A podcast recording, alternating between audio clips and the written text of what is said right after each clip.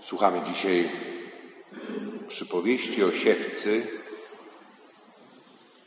i słuchając jej, myślę, że wielu z nas ma taki trochę gorzki smak w ustach. Bo myślimy o naszych najbliższych,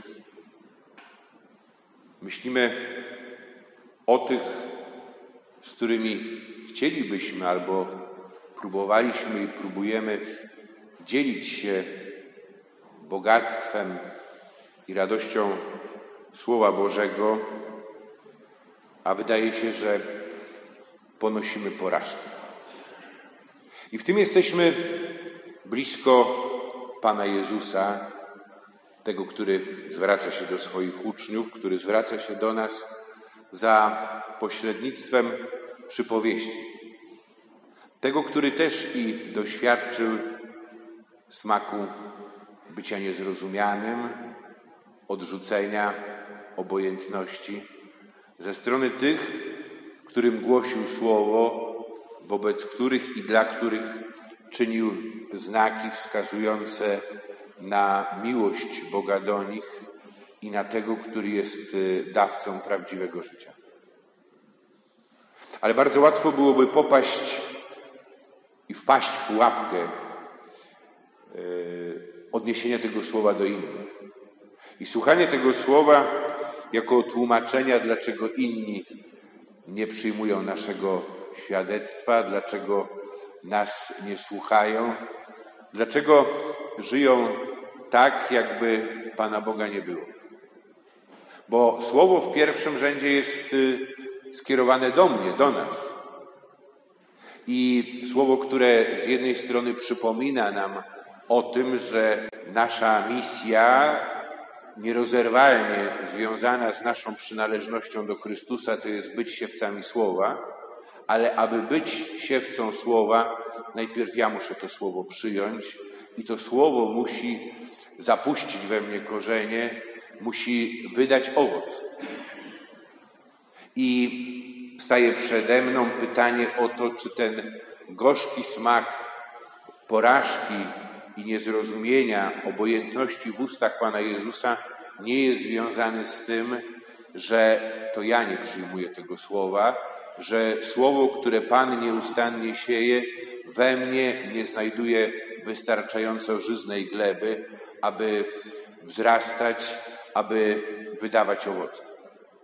Bo ideałem życia chrześcijańskiego wcale nie jest mieć czyste ręce, nieskazitelne, bardziej jeszcze sterylne niż po spryskaniu płynem dezynfekującym u wejścia w kruchcie do kościoła, czy tym, który stoi tu przed tabernakulum, y, którego używam przed Komunią Świętą. Ideał to jest y, to, aby moje życie było owocne, aby przyniosło konkretny owoc. Stukrotny, sześćdziesięciokrotny, trzydziestokrotny. I kiedy słuchamy dzisiejszej przypowieści, to myślę, że każdy z nas ma taką możliwość. Ja przynajmniej bez problemu y, odczytuję pewne sfery, przestrzenie w moim życiu, czy pewne okresy, które bardzo łatwo odnieść do tych przedstawionych obrazów przez Pana Jezusa związanych z różnymi formami odrzucenia Słowa Bożego. Bo ziarno, które pada na drodze, żyje w pośpiechu. Bardzo trudno mi się zatrzymać, y, bardzo trudno zatrzymać się i zadać sobie te pytania, od których tak naprawdę zależy moja godność i moje człowieczeństwo. Zapytać się o sens mojego życia, zapytać się o to, co po śmierci, popatrzeć w tej perspektywie na moje życie. Bardzo łatwo ulec yy, właśnie takiej dyktaturze spraw doraźnych yy, i codziennych. I wówczas to, o czym pisze ewangelista Mateusz, o czym opowiada Pan Jezus. Zły przychodzi i porywa to, co zasiane w sercu człowieka. A dalej to słowo, słowo ono potrzebuje zatrzymania się, potrzebuje pasji, potrzebuje tego, aby właśnie w moim sercu odezwał się, ja bym powiedział, taki głos, abym poczuł to ciepło, że to jest rzeczywiście słowo miłości. To jest y, słowo, które niesie prawdziwe życie. To jest słowo, które jest wielkim skarbem i ogromnym darem dla mnie. Ale to nie tylko kwestia drogi i naszego codziennego pośpiechu, ale to też i to ziarno, które pada na grunt skalisty, które nie ma możliwości zakorzenić się. Słowo potrzebuje właśnie medytacji. Ja potrzebuję tej przestrzeni, yy, w której ja będę rozmawiał, dialogował z Bogiem. Ja potrzebuję tej przestrzeni, której potrzebuję słowo, żeby dojrzeć, żeby zapuścić we mnie korzenie. Jeśli tej przestrzeni nie znajduję, to wszystko jest powierzchowne i przy pierwszym lepszym prześladowaniu, jak słyszymy, yy, to słowo zostanie wykorzenione. Tylko, że kiedy my myślimy o prześladowaniu, to wcale niekoniecznie chodzi o krwawe prześladowanie, bo yy, można też jako prześladowanie yy, odczytać te wszystkie nasze codzienne doświadczenia właśnie niezrozumienia, zdziwienia czy braku wsparcia związanego z tym sposobem życia, jaki proponuje Ewangelia. Z tym, że rzeczywiście dla nas Słowo Boże jest ważne i istotne.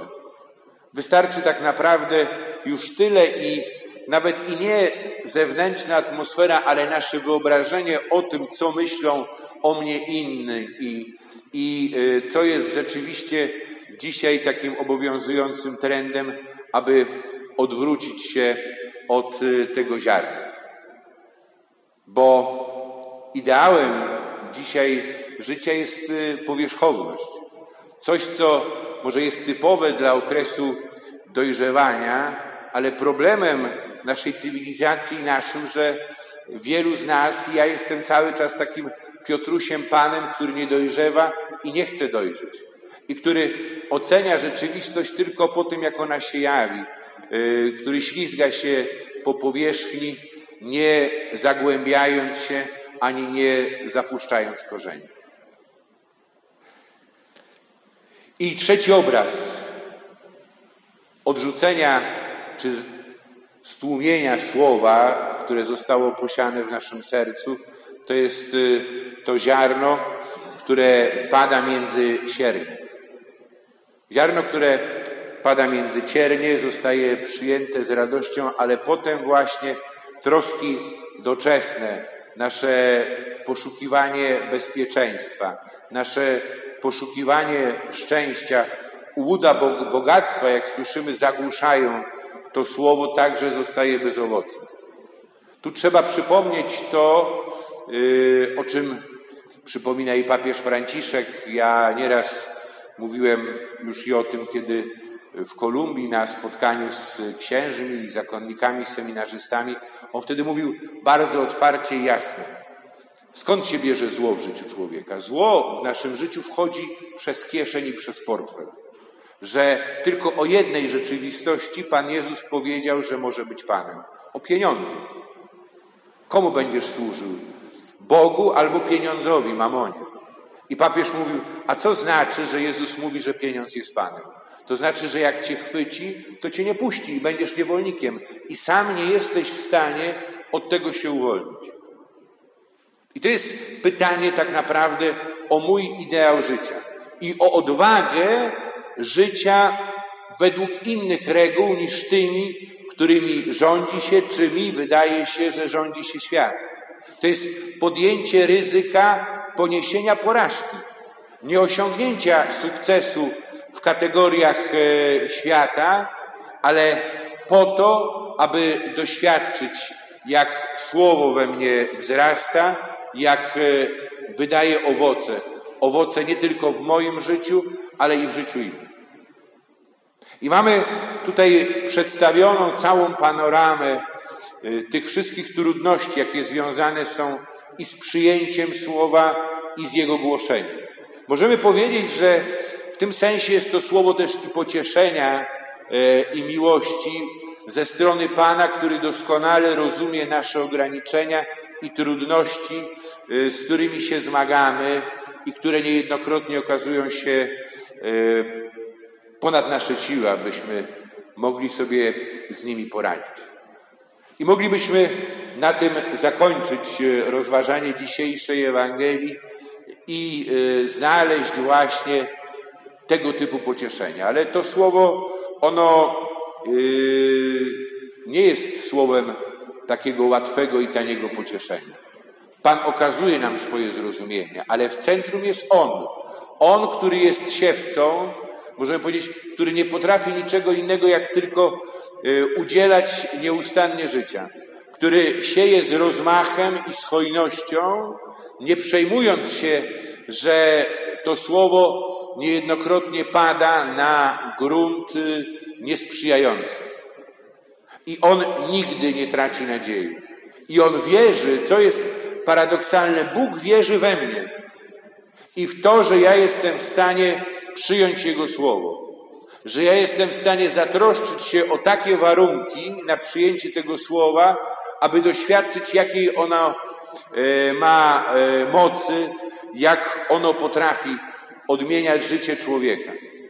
I Bóg w pokorze stoi przed e, zamkniętymi drzwiami mojego serca, stuka do nich z ogromną delikatnością, czy łapie za zardzewiałą klamkę.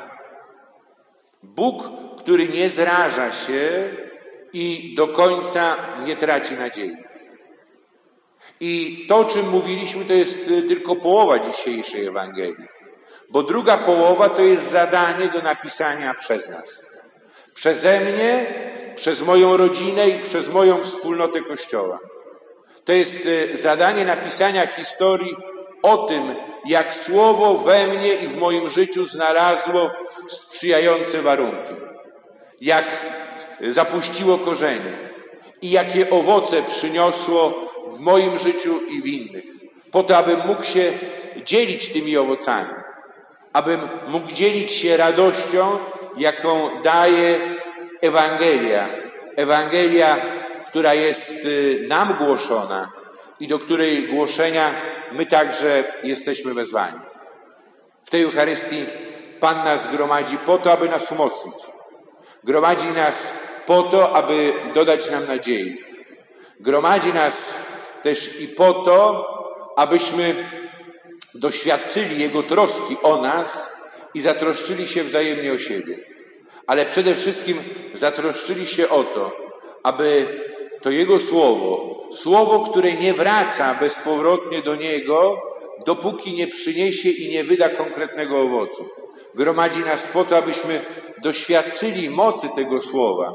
Słowa, które jest siane z rozrzutnością, można powiedzieć, i w słabości. Ale po to, abyśmy tym bardziej mogli wychwalać Boga i Jego działanie, Jego miłość w naszym życiu abyśmy też i karmiąc się z tego stołu, karmiąc się ciałem i krwią Jezusa Chrystusa, doświadczyli umocnienia i byli też i takimi radosnymi głosicielami Ewangelii, dobrej nowiny dla tych, którzy znają i dzielą czas i miejsce życia. Amen.